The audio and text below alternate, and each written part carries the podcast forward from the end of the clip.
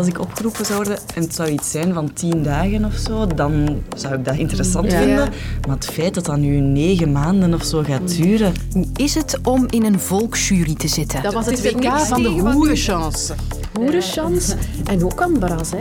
Ook aan Bras. Maar grote stoef was dat in de groepsfase alleszins ook niet. Mexico 86, dat was Belgische voetbalgeschiedenis. Maar de duivels sprongen toen ook in de bres voor straatkinderen. Is Mexico er vandaag beter aan toe? Het roodkapje-effect is iets wat bij sommige mensen nog altijd meespeelt. Wolven zouden gevaarlijk zijn, eten grootmoeders op en dergelijke. En heeft de wolf nu ook een mens gebeten? Al is het mysterie nog zo groot, het kwartier legt de waarheid bloot. Met mij vandaag, Sophie van der Dood.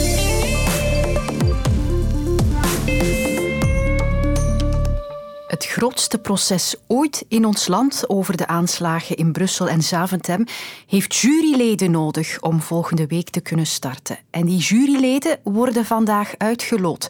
Collega Filip Heijmans legt uit hoe dat verloopt. Er zijn duizend mensen opgeroepen. We weten al dat er een driehonderdtal een vrijstelling hebben gekregen. Dus er worden toch nog 700, misschien iets minder mensen verwacht. Die moeten allemaal afgeroepen worden. Hun identiteit moet bevestigd worden. En dan zal de voorzitter ook aan ieder van hen vragen... hebt u een reden waarom u niet in de jury kan zitten? Dan zal de voorzitter telkens beslissen van... oké, u krijgt een vrijstelling of u krijgt er geen. En dan, als duidelijk is wie er nog overblijft... gaan al die namen in een trommel. En dan zullen er dus namen getrokken worden... tot er 12 effectieve en 24 plaatsvervangende juryleden zijn. En die 36 juryleden in totaal zullen hun leven on hold moeten zetten om dit proces te volgen. Minstens een half jaar. Dat is niet zo evident voor geen enkele assisezaak. Hier op de redactie vond ik iemand die zich daar wat bij kan voorstellen. Lisbeth in de herbergen van de Pano-redactie. Ik herinner mij van een aantal jaren geleden al dat je opgeroepen was om in een jury te zitten, maar voor de rest weet ik er niks meer van. Eh, ja, ik heb in een assisejury gezeten. En wie waren de mensen die nog in de jury zaten? Welk profiel hadden zij? Een heel, heel bonte mix. Qua leeftijd, qua achtergrond, heel, ja, vanuit heel verschillende sectoren. Want wij dachten, heel veel mensen hebben wellicht een goede reden om niet in die jury te moeten zitten. Kom je dan niet uit bij gepensioneerden, mensen zonder werk? Maar nee, dat is niet absoluut zo. niet. Want de gemiddelde leeftijd, herinner ik mij, lag ook vrij laag. En zo de vrijstellingen die gevraagd werden, dat was bij ons ook, maar die worden eigenlijk van werkende mensen nauwelijks aanvaard. Dus ik herinner mij dat er zelfs een schooldirectrice was die zei van sorry, maar ik kan mijn school geen zeven dagen stuurloos achterlaten. En dat werd niet geaccepteerd als reden, terwijl ik toen dacht van ja, dit snap ik nu wel. Maar die vrouw heeft in de assisejury gezeten. Jij spreekt over een proces van zeven dagen. Het assiseproces over de aanslagen wordt er een van een half jaar, misschien wel negen maanden. Dat kan ik mij eerlijk gezegd bijna niet voorstellen hoe, hoe dat moet zijn. Want als ik kijk naar mijn ocharme zeven dagen, was al loodzwaar. Ja, je zet je werk aan de kant, maar ook familiaal. Heel uw gezin wordt on hold gezet. Dus om dat dan zes à negen maanden te doen, ik snap niet hoe, hoe je dat doet. Ook nog eens gekoppeld aan emotioneel zo zware feiten hè, die je daar te zien en te horen gaat krijgen. De confrontatie met slachtoffers. Ja, ik denk dat dat oh, heel, heel zwaar moet zijn. Ja. En wat gaat in dit grote proces nu meespelen bij de kandidaat-juryleden om wel of niet in de trommel te belanden? Waar houden ze rekening mee bij de selectie? Leg ik voor aan assisevoorzitter Jo Dane. 1. Wie kan er in zo'n jury terechtkomen? Iedereen die kiesgerechtigd is voor de federale parlementsverkiezingen komt in aanmerking om uitgeloot te worden om deel te nemen aan een jury. Eh, Er zijn een aantal wettelijke voorwaarden. Men moet beschikken over zijn burgerlijke rechten en politieke rechten. Men mag dus niet ontzet zijn uit die rechten of onbekwaam verklaard. De leeftijd is minimum 28 jaar, maximum 65 jaar. Men moet kunnen lezen en schrijven, uiteraard, de taal spreken van de rechtspleging. En men mag ook niet veroordeeld zijn tot een gevangenisstraf van meer dan vier maanden of een werkstraf van meer dan 60 uren. Een aantal beroepen mogen niet daarin voorkomen. Eh, Politici, magistraten, beroepsmilitairen, dus die worden ook uitgesloten. En dan komt men dus tot een soort van reserve waaruit men voor elk assiseproces een aantal kandidaat-juryleden zal uitloten. 2. Wat zijn geldige argumenten om niet in de jury te moeten zitten? Een zekere vorm van menselijkheid is daar ook wel aan de orde, denk ik, bij de voorzitter die daarover moet oordelen. Wanneer het gaat over een alleenstaande moeder met een aantal kinderen waarvoor ze geen opvang heeft, dan is dat een geldige reden. Iemand die voor zijn zwaarzieke moeder moet zorgen, als mantelzorger bijvoorbeeld, die zal doorgaans ook vrijgesteld worden. Een zelfstandige, denk aan een zelfstandige bakker die nu voor dit proces zou opgeroepen worden, dat zou niet vast zijn voor zijn handelszaak. Dus ook dat is een argument waar rekening mee gehouden kan worden. En drie, hoe zorg je ervoor dat je jury representatief blijft als bepaalde profielen vaak vrijgesteld worden? De bedoeling van de wetgever was om een doorsnede van de maatschappij te krijgen in die jury. Door lottrekking kan dat bewerkstelligd worden, want op die manier krijgt men uit alle lagen van de bevolking mogelijk mensen in de jury. Anderzijds, het systeem van de vrijstellingen zorgt ervoor dat natuurlijk bepaalde categorieën van beroepen, ik gaf het voorbeeld van de zelfstandige, ik gaf het voorbeeld van de chirurg, dat die minder vertegenwoordigd zullen zijn. Dat is, dat is een vaststelling. Dus het zal nooit een exacte doorsnede zijn van de maatschappij, maar in de praktijk wordt er toch naar gestreefd om een zo heterogeen mogelijk samengestelde jury te krijgen.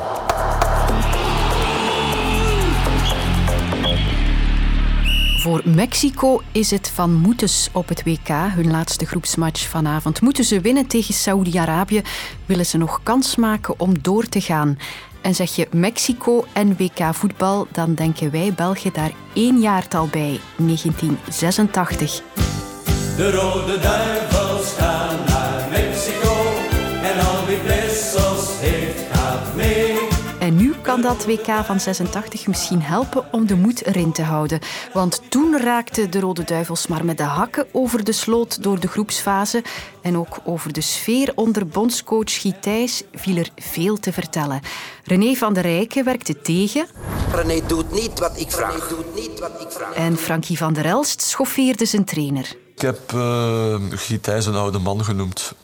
Dat was niet zo netjes eigenlijk. hij ziet het gewoon nog niet meer, vind ik. Ja, misschien, uh, ja, ik weet het niet, hij wordt oud, denk ik. Maar daarna volgden een paar heroïsche duels. Een achtste finale tegen de Sovjet-Unie, die in de verlengingen beslecht werd. Hij gaat fluiten. Een kwartfinale tegen Spanje met een beslissende penalty van Leo van der Elst. En het eindstation in de halve finale, toen de Argentijn Diego Maradona het Belgische sprookje afsloot. Zo zit dat in ons collectief geheugen. Maar voor de duivels in Mexico heeft er toen nog iets anders indruk gemaakt. Toen ze daar hun hotel uitkwamen, zagen ze enorm veel straatkinderen. En na het WK hebben ze Casa Hogar opgericht.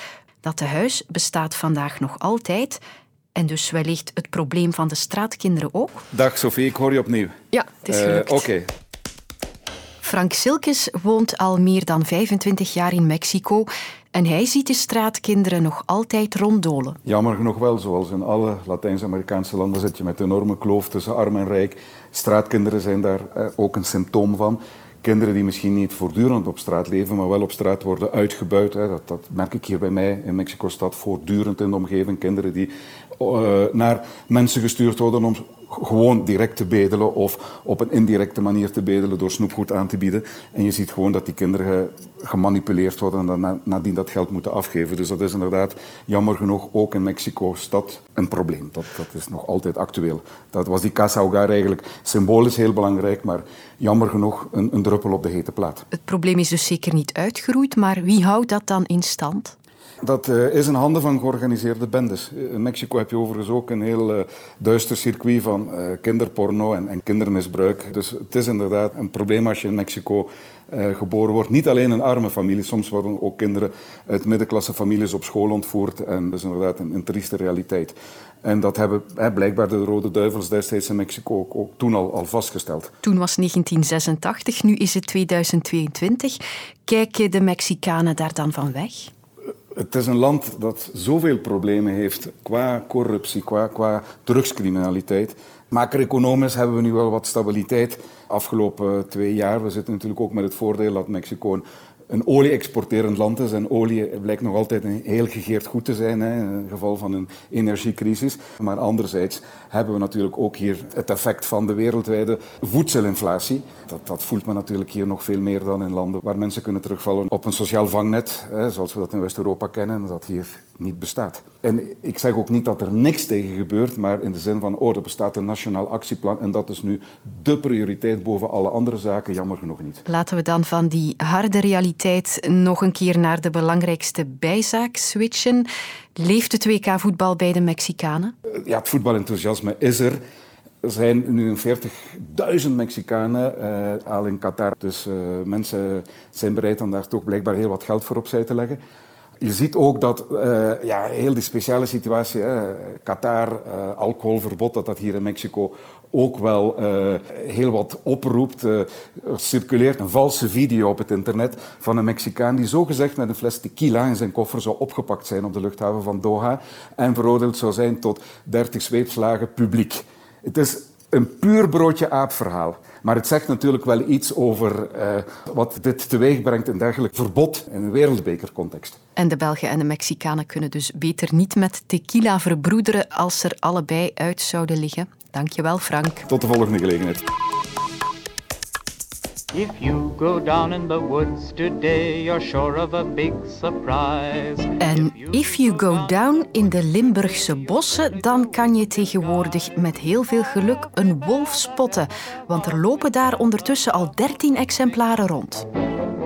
Dat leidt alles tot een confrontatie tussen een wolf en een schaap of een wolf en pakweg een alpaca. Maar een aanvaring tussen een wolf en een mens, daar hadden we in Vlaanderen nog niet van gehoord. Tot nu.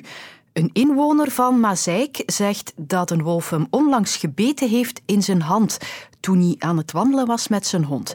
Het incident werd meteen onderzocht door een batterij specialisten. Ja, dat klopt. Onmiddellijk met twee natuurinspecteurs de dierenarts die normaal ook staalnames doet en dan ikzelf. Ikzelf, dat is wetenschapper Joachim Merger van het Instituut voor Natuur- en Bosonderzoek. En zijn conclusie is helder. De combinatie van alle mogelijke vaststellingen die we hebben kunnen doen en de verklaringen van het slachtoffer geven bij ons de conclusie dat dit geen wolf kan geweest zijn. Een van de meest opvallende zaken, denk ik, is die komt zogezegd uit de bosjes gesprongen. Als je uit het niets wordt aangevallen, dan wordt er doorgebeten.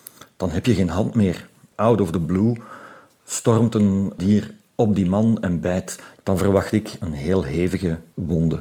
Niet een paar gaatjes in de hand. Heeft een wolf een mens gebeten in Mazeik? Dat antwoord lijkt nu wel vast te staan. Nee, daar kunnen we heel categoriek in zijn. Maar het blijft een levendig debat. Mens versus wolf. Vorig jaar was er in Oudsbergen in Limburg nog een optocht tegen de wolven, waar toen 3000 mensen op afkwamen. Ja, we hadden wel iedere dag met schrik slapen. Maar ik heb ook gezien op filmpjes hoe hoog de wolf kan springen. Iedereen vergeet dat het een roedeldier is. Maar wat gebeurt er met dat roedeldier als die ander groter worden? Die moeten een nieuwe roedel gaan starten. Waar gaan die een nieuwe roedel starten? Het is een moorddier, hè? Mensen en wolven samen in een dichtbevolkt gebied als Vlaanderen. Het is op zijn minst een uitdaging. Hoe regelen we dat samenleven en hoe voorzichtig of bang moet ik nu echt zijn in de Limburgse bossen? Ik zocht geruststelling bij bioloog Frederik Toelen. Die wilde verhalen van vroeger, die komen natuurlijk wel van ergens. En vroeger, toen hondsdolheid nog in onze streken voorkwam, waren wolven die naar mensen toe gingen wel een probleem. Hondsdolheid is een hele gevaarlijke ziekte, een hele vieze ziekte. En een van de symptomen in het laatste stadium van die ziekte is dat het dier dat die ziekte heeft, van niks schrik krijgt, die worden heel agressief. En als we dan gaan kijken naar historische aanvallen van wolven op mensen, dan zien we dat die heel vaak te relateren zijn aan wolven die besmet waren met hondsdolheid. Hondsdolheid is gelukkig in eh, West-Europa volledig verdwenen. En dat maakt dat de belangrijkste factor die er ooit voor gezorgd heeft dat wolven soms naar mensen toe gaan, eigenlijk niet meer bestaat bij ons. Dan heb je nog een aantal heel zeldzame gevallen van wolven die niet besmet zijn met hondsdolheid, die toch naar mensen toe gaan. Als we die dan wat meer in detail gaan bekijken, dan zien we dat dat meestal gevallen zijn van wolven die op een of andere manier voedsel zijn gaan associëren met mensen. Er is zo'n geval bekend in Duitsland. En achteraf bleek dat dat een wolf was die door militairen werd bijgevoederd. En dan leggen wolven de link tussen mensen en voedsel. En dat is iets wat je natuurlijk niet wilt. Kijk maar naar het geval van het everzwijn dat deze week iemand heeft aangevallen. Ja, dat vond ook iedereen heel raar, omdat everzwijnen dat normaal gezien niet doen. En achteraf bleek inderdaad dat het ging om een tamdier dat met de hand was grootgebracht. Het feit dat we in Vlaanderen in een dichtbevolkt gebied leven, we hebben wel een aantal natuurgebieden, maar die zijn relatief klein, dat moet niet per se een probleem vormen. In, eh, in Oost-Europese landen, daar heb je inderdaad die verre afgelegen, bergachtige gebieden waar amper mensen komen. Maar in diezelfde landen zijn er ook stedelijke omgevingen waar al decennia lang wolven leven, zonder dat dat veel problemen veroorzaakt naar mensen toe. Natuurlijk, de problemen met vee, dat is helemaal iets anders. Dat is iets waar we wel echt rekening mee moeten houden. Sommige mensen, ik heb het ook al gehoord, hebben bang om in het bos rond te wandelen. Nu persoonlijk zou ik dat niet hebben. De kans dat een wolf zou aanvallen is zo extreem klein. Ik denk als je in het bos gaat rondwandelen, dat je veel meer bang moet hebben van een tak die van een boom waait, dan van een wolf die je gaat aanvallen. En ik zie door de bomen weer het bos na dit kwartier. Tot morgen. Is dat veelbesproken boek nu wel of niet leesbaar? Joris Hessels en Annelies Mons zoeken het voor je uit in de boekenpodcast Leesbaar. Nu in de app van VRT Max.